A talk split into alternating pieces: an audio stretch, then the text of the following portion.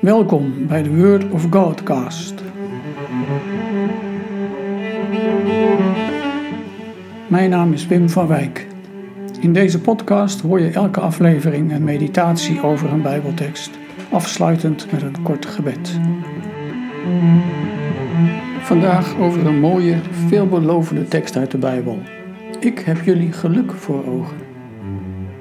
Mensen zijn gelukzoekers. De Heer belooft geluk. Dat is zijn vaste plan, daar is hij op uit. De profeet Jeremia zegt het zo: Mijn plan met jullie staat vast, spreekt de Heer. Ik heb jullie geluk voor ogen, niet jullie ongeluk. Ik zal je een hoopvolle toekomst geven. Jeremia 29, vers 11. Wat een prachtige woorden, veelbelovend. Tot drie keer toe wordt het gezegd: Mijn plan staat vast. Ik heb jullie geluk voor ogen. En dat dan ook weer omgekeerd, niet jullie ongeluk. Jullie toekomst is hoopvol. Het is een lievelingstekst voor veel gelovigen. Het is een mooie tekst om je huwelijk mee te beginnen. Je kunt het gebruiken als motto of slogan voor jouw christelijke actie. Voor de kerk, voor de christelijke school, voor de hulp aan de armen in nood enzovoort.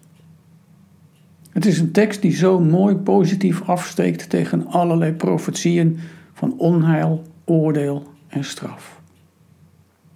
Waar verlangt een mens naar? Misschien wel ten diepste naar geluk, naar een gelukkig leven. En luister maar, de Heer biedt het je aan als belofte. Daar mag je op rekenen. Het staat zelfs vast, zegt de Heer. En toch, hoe mooi ook, ik geloof dat je ook kritisch moet zijn op zo'n manier van lezen en gebruik van Bijbelteksten. Het voelt aan als cherrypicking in de Bijbel. Je plukt de mooie en zoete vruchten eruit en maakt zo je eigen geluksbubbel. Het voelt ongemakkelijk aan, op zo'n manier een beroep doen op een gelukstekst. Ik nodig je uit om voor jezelf maar eens hoofdstuk 28 en 29 door te lezen uit het boek Jeremia. Want dat geluk waar het over gaat, dat lag nog ver in het verschiet. Jeremia schrijft die woorden over geluk in een brief aan Judese ballingen in Babel. Aan de oudsten, de priesters, de profeten en alle anderen die naar Babel waren verbannen. Zijn boodschap is: reken er maar op dat jullie zeker 70 jaar daar in Babel zult zijn.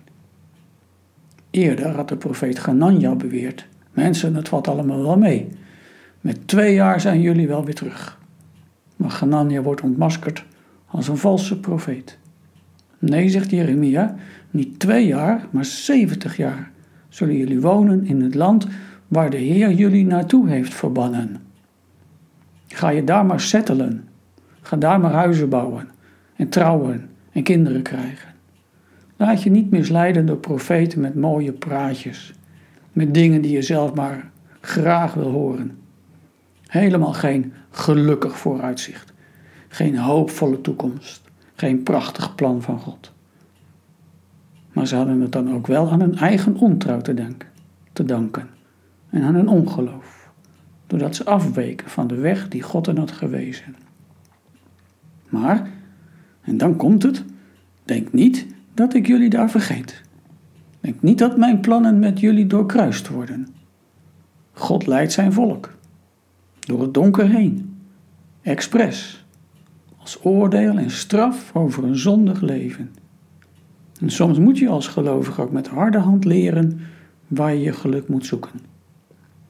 Nood leert hopelijk bidden. En als je bidt, zal hij naar je luisteren. Zoek de Heer met heel je hart.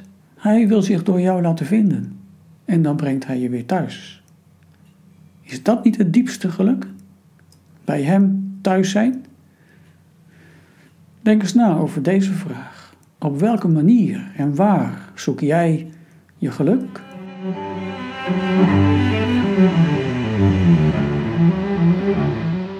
We bidden. Heer, leer ons waarbij het ware, echte, diepe en eeuwig geluk kunnen vinden. Amen.